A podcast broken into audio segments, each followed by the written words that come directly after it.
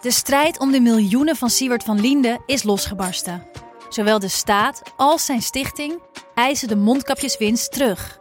Maar dat die opbrengst in ieder geval niet thuis hoort bij Van Linde, daarover kan toch eigenlijk geen twijfel bestaan. Hoe kon het zo ver komen? Dit is het. We hebben beet. En als Siewert het geld teruggeeft, kunnen wij dit schandaal dan eindelijk loslaten? Je hoort het in de Mondkapjesmiljonairs, exclusief bij Podimo. Ga naar podimo.nl/slash mondkapjes. Vind je dit een leuke podcast? Luister dan ook naar Veldheren Historisch. Die maak ik, Mart Kruif, samen met mijn zoon en geschiedenisleraar Tom de Kruif. Je hoort het al, wij doen dingen die je bij andere podcasten niet hoort. Oftewel, to boldly go where no one has been before. Zo behandelen we ook de slag om Alesia, waar Julius Caesar van twee kanten door de Galliërs werd aangevallen. Hij zou zo'n 1 miljoen Galliërs hebben uitgemoord. En Asterix en Obelix klopt niet.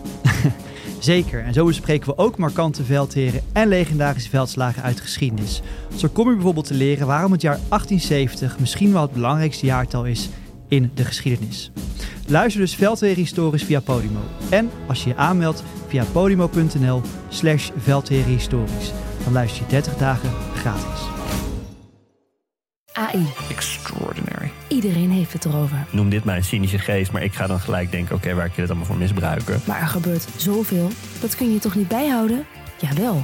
Want er is Poki, een podcast over kunstmatige intelligentie waarin ik praat met supernerd Alexander Klupping Je kijkt me nu aan een soort van hoezo misbruik. en techfilosoof Wietse Hagen Kunnen we dit normaliseren? Willen we dit normaliseren? over de wonderenwereld van AI. Do you like me? Status error. Luister, Poki. Ik ga nu ophangen. Bedankt. Kortie Media. Veldheren is een productie van Corti Media en WPG Studios. Afgelopen zaterdagnacht was er de zwaarste Russische droneaanval op een Oekraïnse stad sinds het begin van de oorlog. Maar liefst 75 drones gingen richting Kiev en vielen voornamelijk energiecentrales aan. Wat kan Oekraïne doen? En Hamas en Israël verlengen het staakt het vuren nadat opnieuw gegijzelden en gevangenen zijn vrijgelaten aan beide kanten. Wat doet dit met de verhoudingen? En we staan stil bij het fenomeen blue on blue, ofwel friendly fire en hoe dat te voorkomen. Mijn naam is Jos de Groot. Ik ga in gesprek met generaals buitendienst Peter van Um en Mart de Kruif. Je luistert naar Veldheren. En luister vooral ook naar Veldheren Extra, onze wekelijkse extra aflevering... waarin Peter en Mart meer vragen van luisteraars beantwoorden. Meld je aan via vriendvandeshow.nl slash veldheren. Bijna 900 luisteraars gingen je al voor. Nou, en dan eerst even een administratieve mededeling. Uh, Mart en ik zitten bij elkaar in de studio. Peter uh, zit op afstand. Dat was even uh, vanuit praktische overwegingen vandaag. Dus misschien hoort u wat verschil in de geluidskwaliteit. Maar we gaan ons best doen om er weer een mooie aflevering van te maken. En laten we even beginnen bij de verkiezingsuitslag. Vorige week. Um, bereiden we ons al een klein beetje voor op die hoge peilingen van de PVV.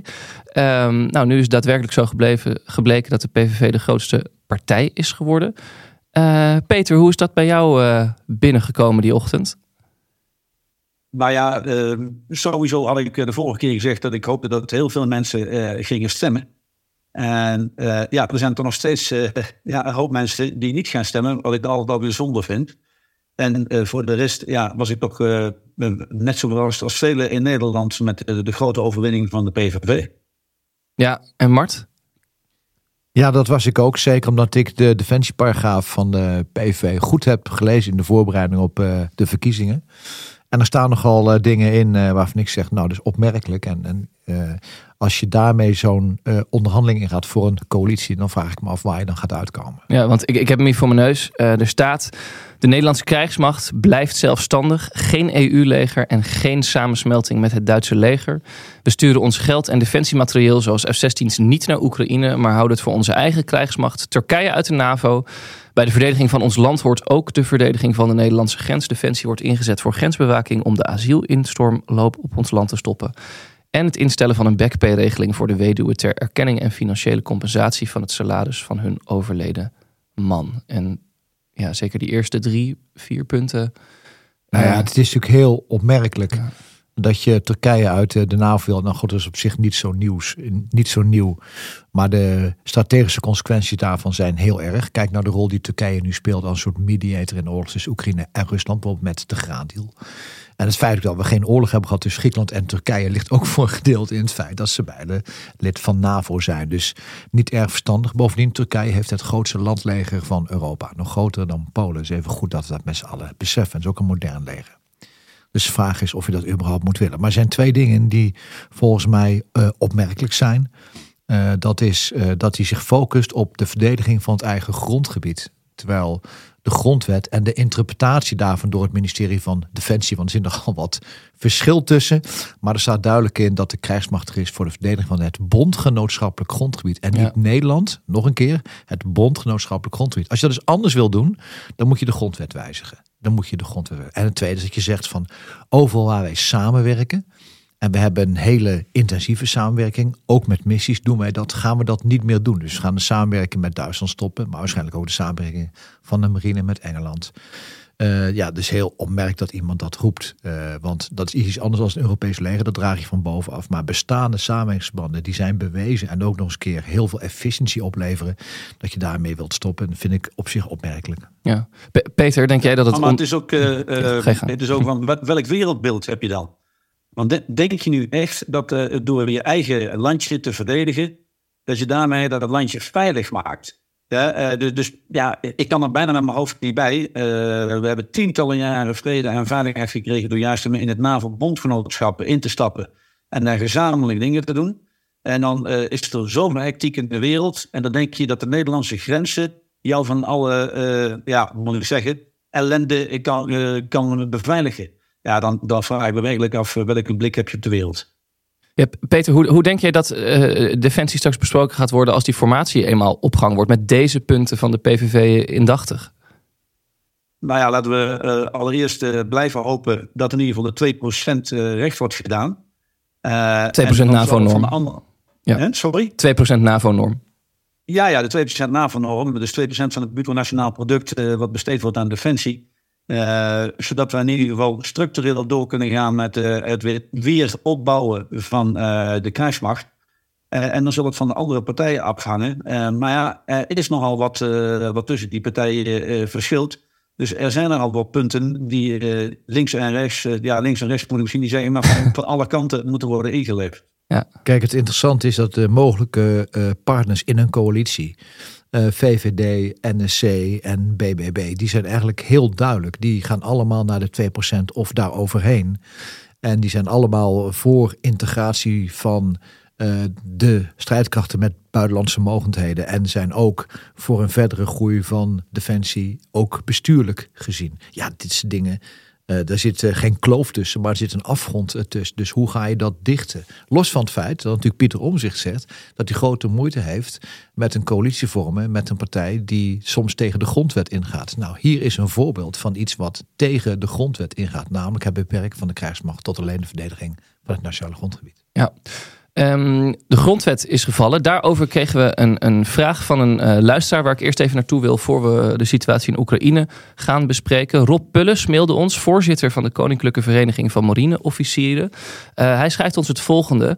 Um, heren, met veel plezier luister ik naar de podcast. Wat ik helaas een paar keer gehoord heb, is dat de grondwettelijke taken van de krijgsmacht niet juist worden vermeld. Artikel 97, lid 1 van de grondwet is heel duidelijk quote, ten behoeve van de verdediging en ter bescherming van de belangen van het Koninkrijk, als mede ten behoeve van de handhaving en de bevordering van de internationale rechtsorde, is er een krijgsmacht.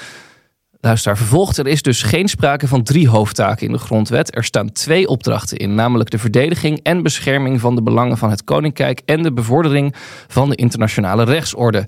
Defensie heeft dit in mijn ogen onterecht vertaald in de eerste twee hoofdtaken en later de derde toegevoegd van de krijgsmacht. De Nederlandse en bondgenootschappelijke belangen houden niet op bij de territoriale grenzen, maar zijn wereldwijd.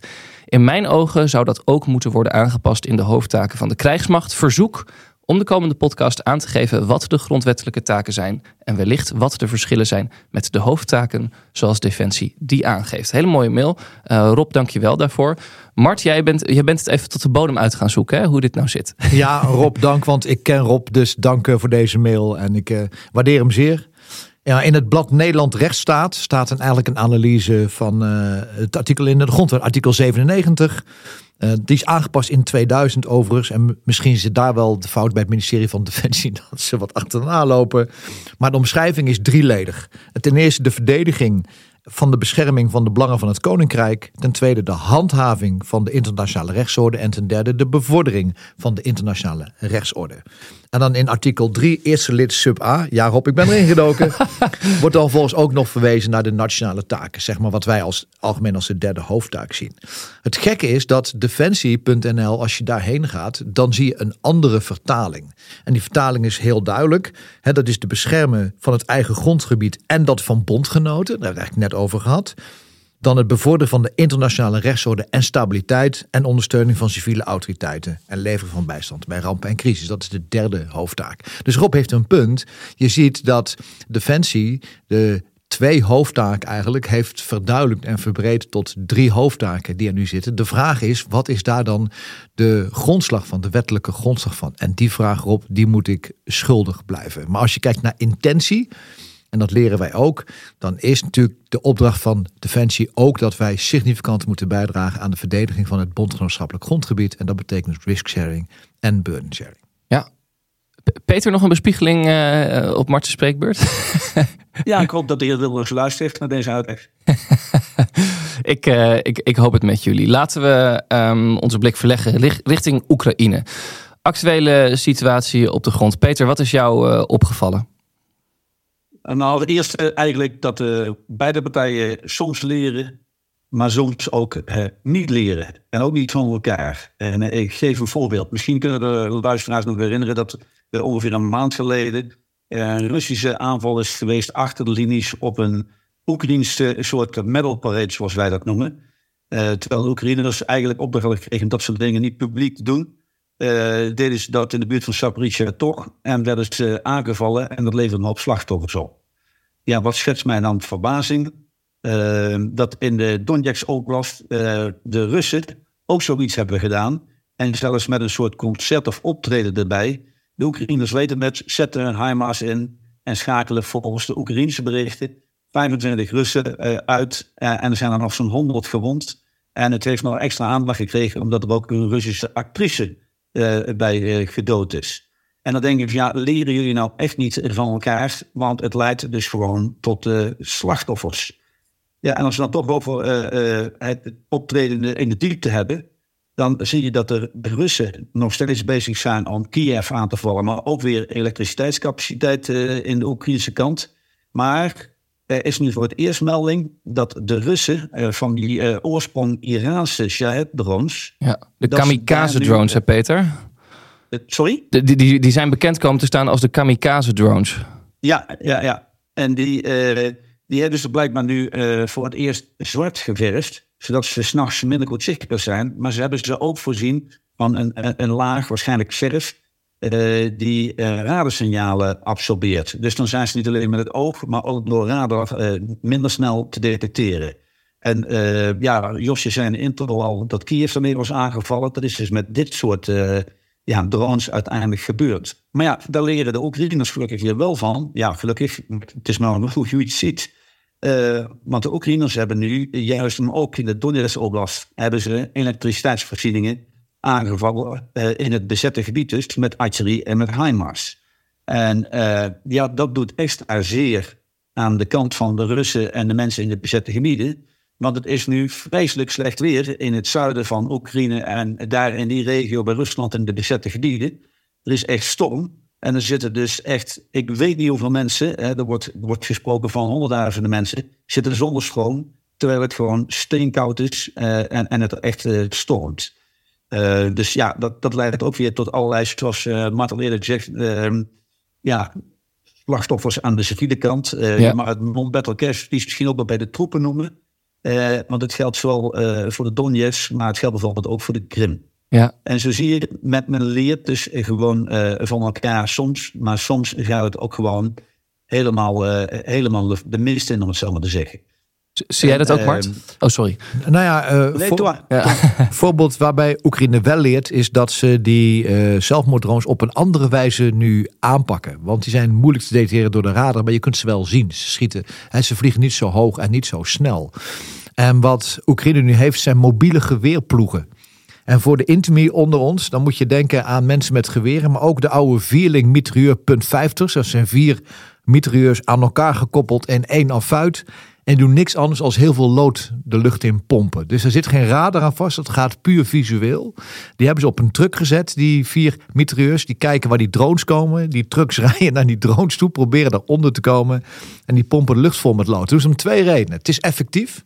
En de tweede is, ze moeten zuinig zijn op hun schaarse middelen. Want als je zo'n dure Patriot-raket van anderhalf miljoen euro gaat inzetten tegen een zwerm drones, uiteindelijk kom je dan tekort. Dus je ziet, We, we- we hebben trouwens vorige week hebben wij het gehad over de analogie met kleiduifschieten. Ja. Eh, of je op die manier niet die drones uit de met, lucht die, kan met halen. eh, dat schot hagel. Ja, dit lijkt er is wel een beetje hetzelfde idee. Ja, ja. gedachtegang. Gewoon heel veel lood lucht in pompen. Ja, en daar kunnen die drones wat minder tegen. Dus wat dat betreft, interessante ontwikkeling. Maar we zien ook dat de aanvallen steeds groter worden met aantallen. Hè? Enorm aantallen. Soms 70, 80 drones tegelijkertijd. En een tweede vond ik hele interessante. Dat om eh, kwart voor tien zondagavond heb ik een lichte afwijking. Dan kijk ik vaak naar het ZDF. Dan hebben ze zo'n nieuws. Duitse televisie. Ja, maar dan Ja. op zijn Duits, Zweites Deutsches Fernsehen. En die maakte publiekelijk hun excuses voor het feit dat ze te weinig hadden gemultitaskt de laatste tijd. En ze zeiden eigenlijk, wij hebben de fout gemaakt, de journalistieke fout, door al onze aandacht te richten op de oorlog in Gaza en niet op de oorlog in Oekraïne. En dat is voor ons een echte fout geweest, want wij zijn verantwoordelijk voor een brede nieuwsvoorziening voor de bevolking. En ze zeiden daar nog eens bij, ook de cijfers van de Britten die zijn gepubliceerd, dat bijvoorbeeld bij Afdivka de Russen 900 soldaten verliezen per dag aan doden en gewonden. 900 soldaten per dag. Dat is natuurlijk een dimensie die is niet meer voor te stellen. En ze zeggen, wij hebben dus een fout gemaakt. Nou, projecteer dat eens op eh, Nederland. Wij hebben er nog eens een keer verkiezingen bij. En zie je dat het thema Oekraïne eigenlijk nauwelijks boven tafel komt. Terwijl het wel heel interessant is. Hè, want toen Zelensky hier was om een speech te houden, verliet Geert Wilders de Tweede Kamer. En Geert Wilders heeft in 2017 gezegd dat hij Poetin een eh, fantastische kerel eh, vond. Dat zouden interessante vragen zijn geweest om ze te stellen aan Geert Wilders. Van Hoe ga je daarmee om? En jouw defensieparagraaf, in hoeverre is die nog gestuurd door jouw sympathie voor Rusland en voor Poetin? Dat zou een interessante vraag zijn geweest voor talkshows. Nou, het koppelen van het ondervragen van politici, niet alleen op de thema's bestaanszekerheid en woningbouw en zorg, maar ook in een bredere politieke context, dat hebben we z'n een beetje laten liggen. Ja. Her- Herken jij dat, Peter? Eh, ja, zeker. Maar ik zou toch wel terug willen naar eh Avdiivka. eh, om het mili- militair te houden. Want uiteindelijk hebben de Oekraïners gezegd dat de Russen een derde golf aan aanvallen op Avdiivka Ja. is gestart. En dat zijn de Oekraïners natuurlijk. Maar als je naar het- het terrein kijkt en naar, naar de situatie, dan zou dat zeker kunnen. Maar dan zie je dat de Russen er niks leren, want ze doen daar gewoon meer van hetzelfde. Ja, en als je hetzelfde blijft doen, dan krijg je ook hetzelfde.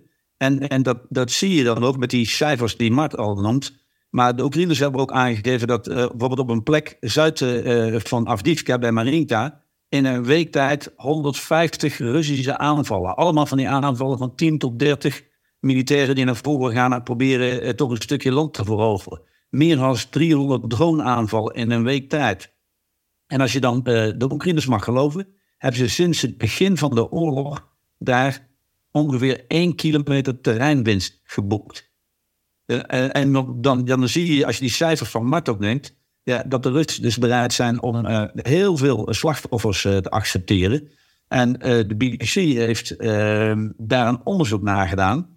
En ja, dat vond ik toch wel opmerkelijk. Want die zeggen nu dat in de Russische federatie op een aantal van 10.000 mannen in de leeftijd van 16 tot 61 jaar er 24 gedood zijn in de strijd. Maar als je kijkt naar de eh, regio Sint-Petersburg, is het maar 2,5. En als je naar Moskou kijkt, is het er maar 1. Dus wie betalen die grote prijs uiteindelijk in de Russische federatie? Dat zijn eh, de, de, de staten en de oblasten in Siberië en het Verre Oosten. Want op 10.000 mensen, mannen moet ik zeggen, zijn er daar 26 tot 36 die gedood zijn. En eh, ja, dat zijn, dat zijn toch forse aantallen en men gaat nog steeds door. En je ziet nu ook, wist ik zie nu voor het eerst dat er signalen zijn dat eenheden beginnen hun commandanten te betalen en om te kopen. We hebben wel eens eerder gezegd dat ze moesten betalen om goede geneeskundige verzorging te krijgen als ze gewond waren. Maar nu eh, zijn er meldingen van eenheden die gewoon hun commandanten opkopen om eh, niet naar het front te hoeven. Ehm, wat doet dat allemaal in de Russische krijgsmacht, vraag ik mij nog af. En ook in de Russische samenleving. Kijk, je kunt conflicten niet vergelijken door bodycounting. Dus het conflict tussen eh, Israël en Hamas is een heel ander conflict als Oekraïne. Uh, dus je kunt niet de ene boven de ander stellen. Alleen het interessante is voor ons dat Erik Akerboom zei dat uh, 24 februari 2022, dag van de inval, voor ons waarschijnlijk wel belangrijker kan zijn dan 9-11 was voor de VS. En ik denk dat daar een punt heeft, want Oekraïne wordt natuurlijk steeds meer afhankelijk voor het voorbestaan van de steun vanuit Europa. Nou, we weten hoe de situatie is in de Verenigde Staten, de politieke situatie met Trump.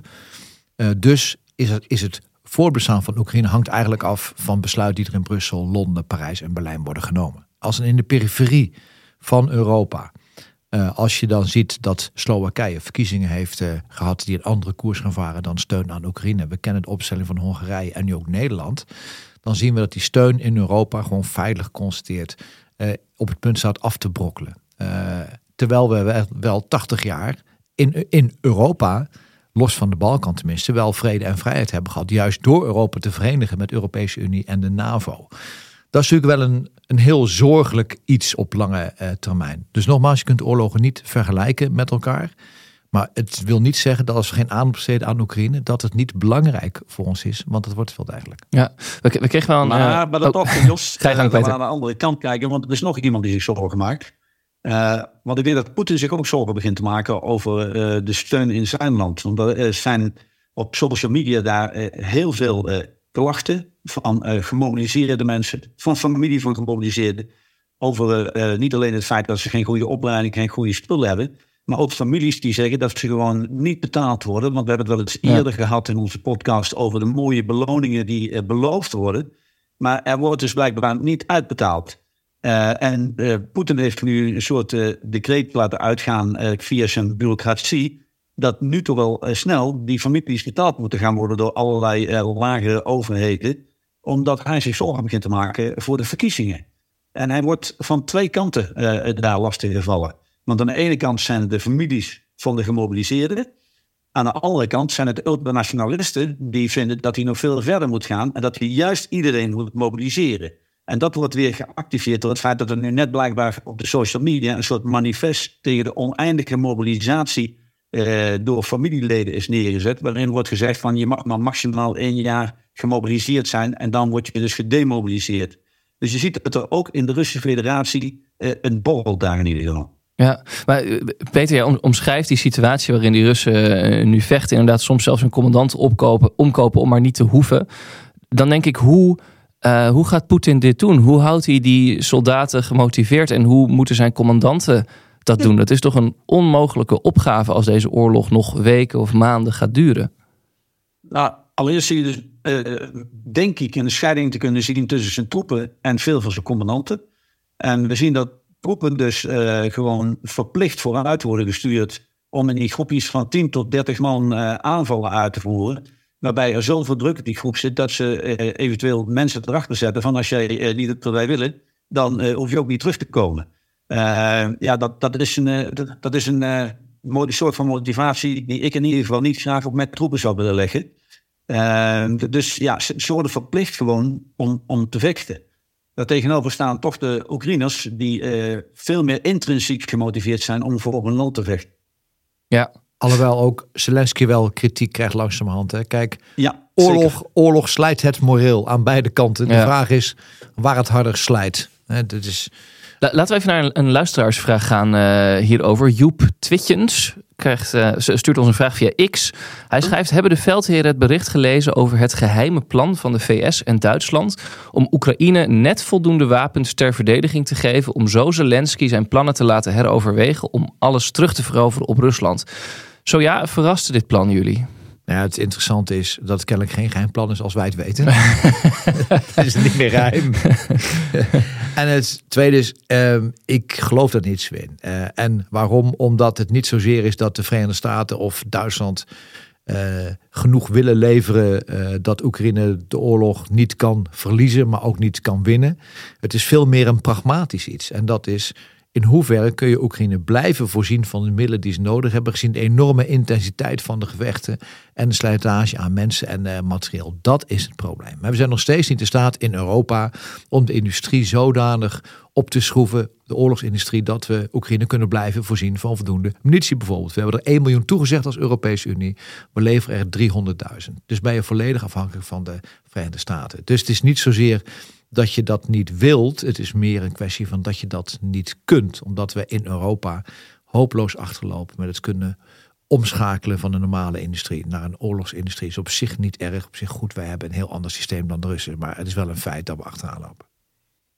Ja, ik ben het wel met eens. Uh, ik denk niet dat het onwil is. Maar er moeten gewoon hele lastige keuzes gemaakt worden. Als we naar Nederland kijken, wij moeten ons afvragen... wat hebben we zelf als minimale voorraad nodig op onze schappen aan wapensystemen, aan, aan, munitie. En uh, wat kunnen we aan Oekraïne geven? En uh, dat geldt in alle westerse landen.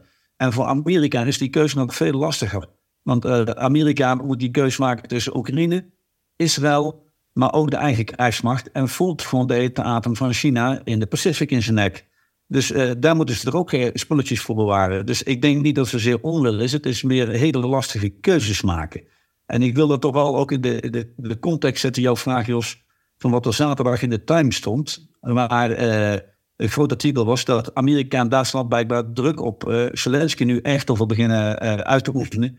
Om toch eens na te denken over, gaan we naar de onderhandelingstafel of niet? En we weten dat Zelensky dat altijd heeft ontkend, dat er druk op hem zit.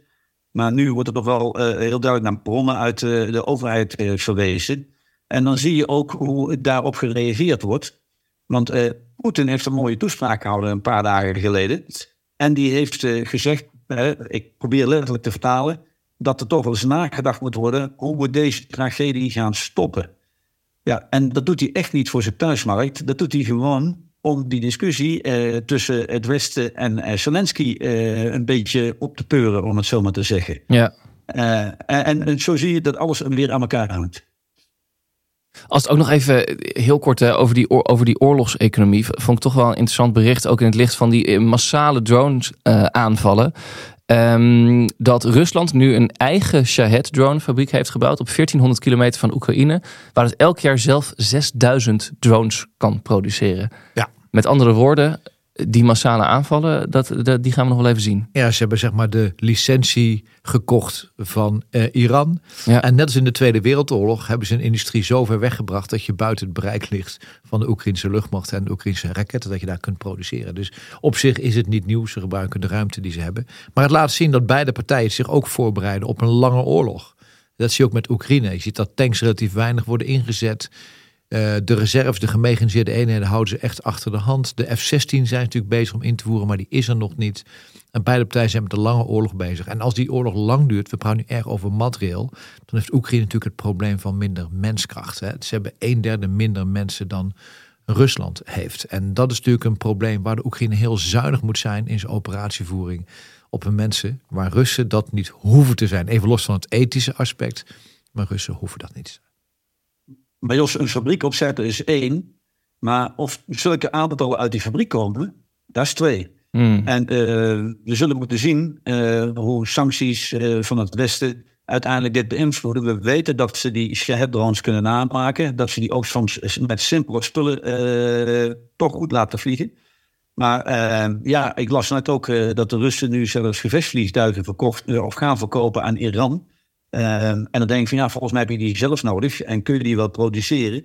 Zeker als je kijkt naar het bericht wat ik eh, onlangs las, dat de Russische burgerluchtvaart, die heeft nogal wat problemen om alle vliegtuigen in de lucht te houden. En daar zijn ze blijkbaar stevig bezig met cannibaliseren. Maar ik weet niet of uh, mensen dit woord kennen. Ja, dat is niet vliegtuigen maar, opeten, maar wel in figuurlijke zin. Zeg maar. ja, ja, wat je eigenlijk doet, dus een vliegtuig wat uh, vanwege een mankement stilstaat, daar haal je gewoon alle spullen uit, uh, reservedelen uit, om andere vliegtuigen te laten vliegen.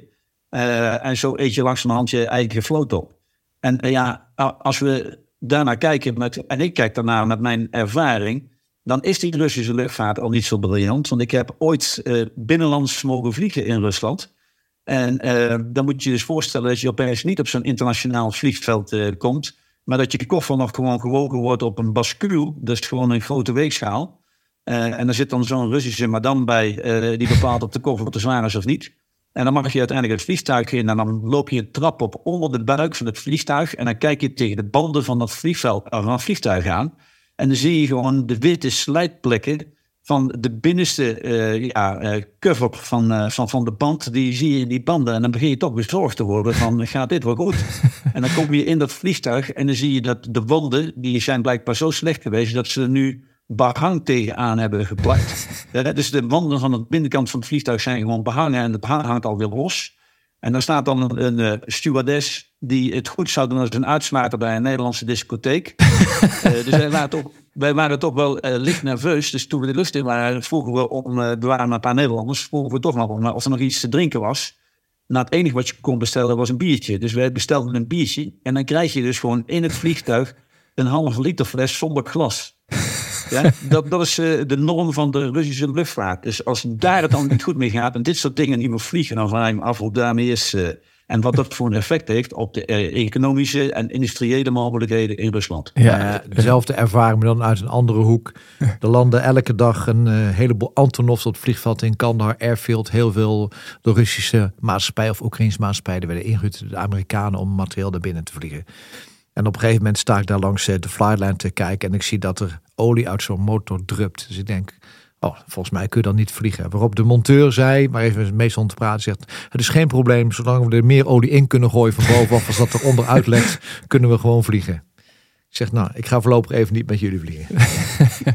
Nee, maar, maar wij, eh, toen wij in Afghanistan zaten, eh, stuurden we wel materieel met Antonovs mee. Ja. Maar lieten Maar we geen geen mensen. mee vliegen. Nee, daar hadden we onze eigen dash voor, onze eigen Canadese vliegtuig. Oh ja. Nou, kortom, moraal van dit ver- verhaal of eh, Rusland inderdaad 6000 van die drones per jaar gaat produceren, dat is zeer de vraag. Laten we ehm, even doorgaan richting eh, Israël en Gaza. Ehm, waar op dit moment even niet wordt gevochten in de Gazastrook. Over en weer worden er tientallen gevangenen en gijzelaars eh, losgelaten.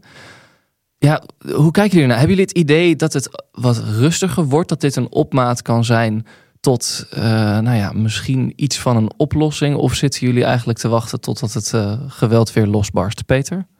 Nou ja, voor, de gewone bevolking eh, is het natuurlijk een zegen dat er niet gevochten wordt en dat er hulpgoederen Gaza binnenkomen. En dat het blijkbaar ook in Zuid-Libanon rustiger is. Ehm, maar het is allemaal, wat mij betreft, stilte voor de storm. Als we internationaal niet in staat zijn om voldoende druk op beide partijen te leggen. Om te voorkomen dat ze dadelijk eh, er weer op losgaan. En eh, natuurlijk maken de militairen aan beide kanten, de strijders aan beide kanten, als je het zo mag zeggen. maken ook gebruik van deze situatie om hun positie te verbeteren. Dus eh, ja, al- als we. Hoe, hoe bedoel je dat? weer- nou ja, er schijnt nu wel weer een verlenging van twee dagen aan te komen. Maar uiteindelijk ben je toch bezig om nog steeds inlichtingen te vergaren over je tegenstander. En als jij de- door jouw troepen anders te positioneren, eh, te herbevoorraden, weer een betere uitgangspositie hebt voor, voor ons gevecht, dan, dan laat je dat niet achterwege tijdens zo'n wapenstilstand. Over het algemeen is trouwens zo'n wapenstilstand voor de verdediger die niet het initiatief heeft, is wat gunstiger dan eh, voor de aanvaller. Hè. Dus, Waarom?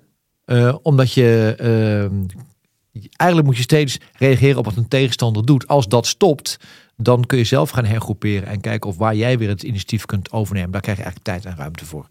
Eh, maar goed, is wat eh, Peter zegt, ben ik heel met hem eens. Het is vooral de internationale druk die gaat bepalen of deze oorlog weer doorgaat eh, of niet. En ja, dat weten we niet. Je zi- ziet wel dat wel degelijk ook een rol speelt, hè, de internationale druk op dit moment. En niet alleen vanuit de Verenigde Staten, maar eigenlijk ook breed vanuit het Midden-Oosten. Dus eh, het ligt nu even stil. Militair gezien zou ik daar als partij niet zo blij mee zijn als ik, het, als ik de aanval zou hebben. Als ik dus het initiatief zou hebben als verdediger, zou ik dat prima vinden. Maar je ziet dat ook hier. En gelukkig maar, militairen moeten luisteren naar de politieke leiding. Ja, t- t- net vo- voordat maar, we... maar laten we blij zijn dat er eh crashgevangenen en gevangenen worden uitgehaald. Ja, Eh, maar ja, wat moet de mentale staat eh, van, van die mensen zijn, vraag ik me dan af. Eh, en uiteindelijk zitten we met een heleboel getraumatiseerde eh, Palestijnen in het hele Gazagebied. En dan praten we over miljoenen mensen.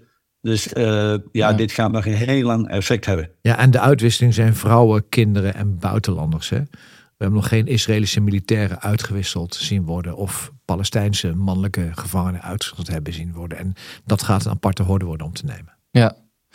Net voordat we de opname begonnen, Mart, toen, toen had jij het inderdaad over de diplomatieke backchannels.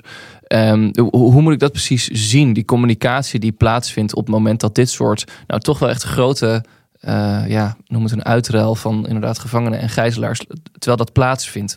Nou, hoe gaat dat verkeer? Eigenlijk zie je dat er in elke oorlog wel alternatieve wegen zijn om de strijdende partijen toch in contact met elkaar uh, te laten zijn. We kennen de Tweede Wereldoorlog, uh, Zweden, Zwitserland of Spanje, waar mensen elkaar ontmoeten. Uh, we, zien bijvoorbeeld de uitruil van krijgsgevangenen tussen Oekraïne en Rusland. maar ook het mogen varen van de graandeel die nu niet meer telt, waar Turkije een belangrijke middelde rol heeft gespeeld. En hier zie je dat Egypte en Qatar weer een rol spelen. En dat is voor dat soort conflicten is dat wel cruciaal. Niet alleen om je te kunnen houden aan het oorlogsrecht, hè, en dus uh, krijgsvan te kunnen uitruilen en dat soort dingen, maar ook om uiteindelijk toch naar een politieke oplossing toe te werken. En, en bijna elke oorlog heeft dat wel, zo'n backchannel. En die moet je dus uh, koesteren ook, want dat is de enige wijze waarop je een eerste stap kunt zetten naar een politieke oplossing. Ja, en Egypte en Qatar uh, bereiken aan de Israëlische kant denk ik niet zoveel als er niet gewoon de Amerikanen onmiddellijk bij en achter zitten. Ja, en China. Als je praat over Qatar. Ja, daar kun je veilig van uitgaan. Um, Mart, jij wilde graag even stilstaan bij een bericht dat je onlangs las over uh, blue on blue verliezen aan de Israëlische kant. Uh, wat zijn dat precies en, en wat is er gebeurd? Ja, blue on blue is eigenlijk het uh, verliezen van eigen troepen door eigen vuur. En dat is blue on blue omdat als je oefeningen hebt en je gebruikt kaarttekens, dan is de vijand altijd rood en de eigen troepen zijn blauw. Dus daar, daar komt het vandaan. On blue vandaan. En eigenlijk is het fratricide, fratricide noemt En dat is eigenlijk broedermoord. En daar heb je twee soorten van. Je hebt een opzettelijke broedermoord. En dat is dat soldaten elkaar opzettelijk neerschieten. En je hebt het per ongeluk. Nou, over Israël praat je per ongeluk, maar even over het eerste. Er zijn verhalen in Vietnam bijvoorbeeld dat ongeveer meer dan 500 officieren door hun manschappen zijn gedood. Omdat ze te veel risico namen in Vietnam en hun peloton of een eenheid daar niet in mee wilden. Dus dat noemen ze dan fragging. Het, het, het doden van je eigen kaderleden om je eigen veiligheid hoog te houden. Het tweede is broedermoord per ongeluk. En dat komt vaak in gevecht in orde voor. Waarom? Omdat je coördinatie zo moeilijk is. Je weet niet precies waar je eigen troepen zijn. Je weet niet wie er boven je zit, wie er links van zit, wie er rechts van zit, wie er onder je zit. En als je iemand ziet, heb je vaak een fractie van een seconde om te reageren. Ga ik schieten of niet? Laat staan wat je s'nachts doet. Want ga maar eens kijken s'nachts of iemand bij jou hoort of niet. Dus dat is ongelooflijk moeilijk. En we zien ook dat Israël heeft toegegeven dat ze een aantal blue-on-blue incidenten in de Gaza had, wat eigenlijk een inherente consequentie is van het vechten in orde. We hebben het zelf ook meegemaakt, operatie Kapsha Ash in uh, Afghanistan, waarbij Albert Portema en Wesley Sol zijn gesneuveld door eh, eigen vuur, eigenlijk ook door een gebrek aan coördinatie en dom toeval. Wat, wat, wat, wat, is daar, wat is daar gebeurd? Want ik had, ik had de reconstructie van die gebeurtenis gelezen. Ontzettend complexe situatie. Nou ja, Wesley School en al de Portman stonden boven op een kwala, op een uh, boerderij. Uh, maar uh, de andere eenheid die daarnaast zat, kon niet zien dat ze op een boerderij zaten vanwege een hoogteverschil. Dan leek het net alsof daar soldaten gewapend op de grond stonden. Dus iemand dacht dat is Taliban. Vervolgens hebben ze nog eens een keer uh, de uh, kwalen een verkeerd nummer gegeven via de radio. Niet 156, maar 165 of zoiets. Is dat dus omgedraaid. En op een gegeven moment is daar dan het idee ontstaan. hey, daar staan twee Taliban-strijders tussen onze eenheden in. En toen heeft de bataljonscommandant het, uh, zijn vuren vrijgegeven. En heeft een boordschutter met een 25 mm kanon. En dat is een zwaar wapen. De opdracht gegeven om het vuur te openen. Nou, Albert Portema stond boven, die werd geraakt. Wesley School wilde hem helpen, werd ook geraakt. Twee anderen zijn er ook nog bij gewond geraakt. Het is een dramatisch iets natuurlijk. Zeker voor de ouders en voor de familie. Uh, maar dan zie je dat als een heleboel wissels verkeerd staan. En de omstandigheden zijn moeilijk. En mensen zijn moe.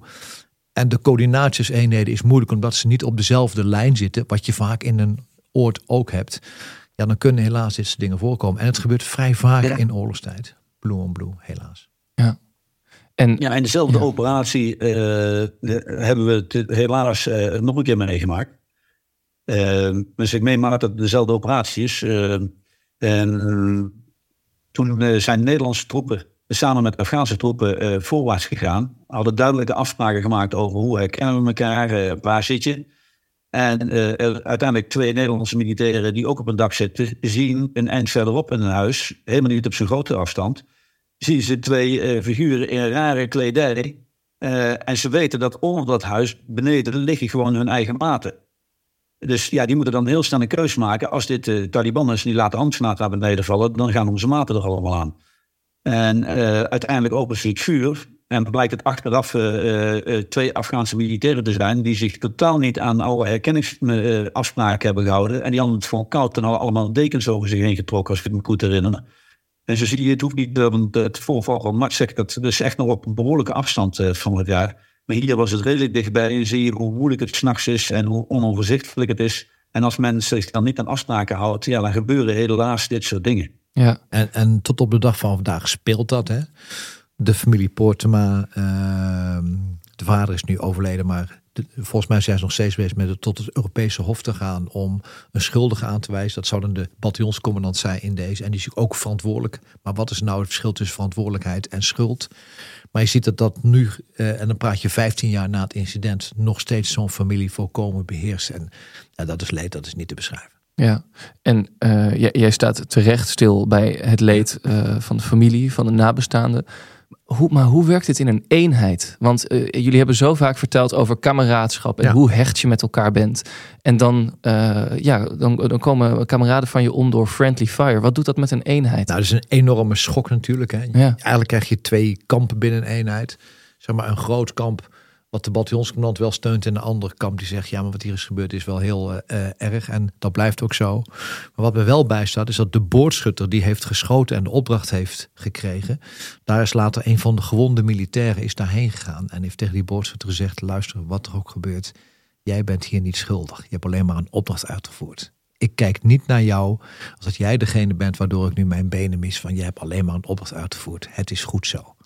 Kijk, dat is grootsheid die dan ook weer meemaakt. En um, Peter, ik, ik, ik, heb ook altijd van jullie geleerd hè, dat, dat het militaire werk dat is opereren in chaos. En uh, ik begrijp dat dit soort dingen kunnen gebeuren. Maar hoe kun je nou een operatie inrichten, misschien ook een operatie in een oord, om de omstandigheden zo te creëren dat deze kans minimaal is? Kan dat überhaupt? Ja, zeker. Want, uh, ja, ik heb altijd gezegd, heb je gelijk, Jos, uh, het vak van de militair is orde scheppen in chaos. en dat probeer je zo goed mogelijk te doen. Maar door jou, in jouw plannen zo goed mogelijk afspraken te maken. En dat kan met uh, markeringen van uh, plekken waar je zit. Door faselijnen. Uh, faselijnen zijn lijnen van tot die lijn ga je tussen tot die straat of tot dat huis. En dan stop je en dan coördineer je weer eerst voordat je verder gaat. Dus door allemaal van dat soort afspraken aan de voorkant te maken, probeer je te voorkomen dat er misverstanden zijn. Maar ja, als je eenmaal tussen allerlei huizen zit, hoe herken je dan, als je in, zeker in dit soort uh, regio's waar het allemaal op elkaar lijkt, uh, hoe herken je dan dat je inderdaad in dat huis zit wat je hebt afgesproken? Uh, dan heb je nog een vijand die voortdurend jouw plannen probeert te dwarsbomen. En die tussen je doorloopt met rook en met stof en met gruis probeert jouw zicht te beperken. Dus daarom wordt het wel gewoon heel erg moeilijk. Er zijn, er zijn voorbeelden uit de Tweede Wereldoorlog, waar in de ene verdieping van een huis de ene partij zat en in de andere verdieping zat de andere partij. En uh, er is zelfs uh, een voorbeeld waarbij uh, de Britten op een gegeven moment een fles, toen was het blijkbaar rond een feestdag of er was even een gevechtspauze. Daar hebben de Britten een fles brandy, geloof ik, aan een touwtje naar beneden laten zakken om aan de Duitse soldaten te geven. Zo dicht zit je bij elkaar. Ja, Welke, welke, welke les neem jij hieruit mee, Mart? Ja, het is wat Peter zegt. Je probeert er alles aan te doen. Maar het is heel moeilijk voor te stellen voor mensen die zo'n situatie niet kennen. Dat een situatie voor een gedeelte altijd onbeheersbaar is. Ja. En oorlog zet normale mensen in volstrekt abnormale omstandigheden. En dan gebeuren er ook abnormale dingen. En dat is helaas de frictie van oorlog. Want je neemt besluit op grond van de helft van informatie. Maar als je geen besluit neemt, neem je ook een besluit. Dus je moet wat. En je weet nooit alles. Ja, en dan maak je keuzes. En die achteraf wel eens een keer fout blijken te zijn. Helaas, maar dat is uh, zo geweest vroeger. En alle technologie die we hebben, zal het ook niet allemaal gaan verhelpen. Het zal in de toekomst ook zo blijven. Nee, ik heb altijd uh, gezegd dat als je wacht, dat je alle informatie hebt, weet je één ding zeker, ben je altijd te laat. Volgende week, dan uh, praten we verder. Dan zitten we weer, uh, zoals altijd, uh, met z'n drieën aan een tafel. Peter, waar ga jij op letten de komende week? Nou ja, dan pik ik toch even de, de nationale blik op. Ik ben wel heel benieuwd in Nederland hoe de tweede verkenner nu voorwaarts gaat. en als je dan internationaal kijkt, ja, ik hoop dat het staakt het vuren nog lang doorgaat. En dat er zoveel mogelijk krijgsgevangenen en gevangenen worden uitgewisseld tussen Israël en Hamas. Mart? Nee, bij de laatste sluit me helemaal. Bij het eerste trouwens ook. En ik blijf toch altijd even een oog werpen op wat gebeurt nou precies in Oekraïne. Want dat front staat wel stil, maar er gebeurt een heleboel. Ja, ik bedenk me nu, is verkenner eigenlijk een militair woord? Ja. Ja, ja wat, wat, wat, wat is een verkenner in militaire termen? Een eh, verkenner is iemand die uh, meestal voor de troepen uitprobeert zoveel mogelijk informatie over weer, terrein en vijand. Wat ik zelf ook wel bedenken. Verzamelen. Zo simpel is het. ja. Nou, we gaan, uh, we gaan uh, meemaken hoe we er volgende week uh, bij zitten. Dit was Veldheren voor nu. Mijn naam is Jos de Groot. Ik maak deze podcast met generaals buitendienst Peter van Um en Mart de Kruif. Wil je hen een vraag stellen? Mail ons dan op veldheren.cortimedia.nl. C-O-R-T-I Media is dat. En volg ons op X en op Instagram. Bij Veldheren Extra op vriendvandeshow.nl slash veldheren gaan we nog even door en beantwoorden we meer vragen van luisteraars. Bijvoorbeeld die van Tanja van Kessel. Zij schrijft ons, is het een reële mogelijkheid dat de Russen Oekraïnse infrastructuur vernietigen, zodat Oekraïne de komende winter geen verwarming heeft? Wil je weten wat Peter en Mart daarover te zeggen hebben? Word dan vooral vriend van de show. En tot volgende week.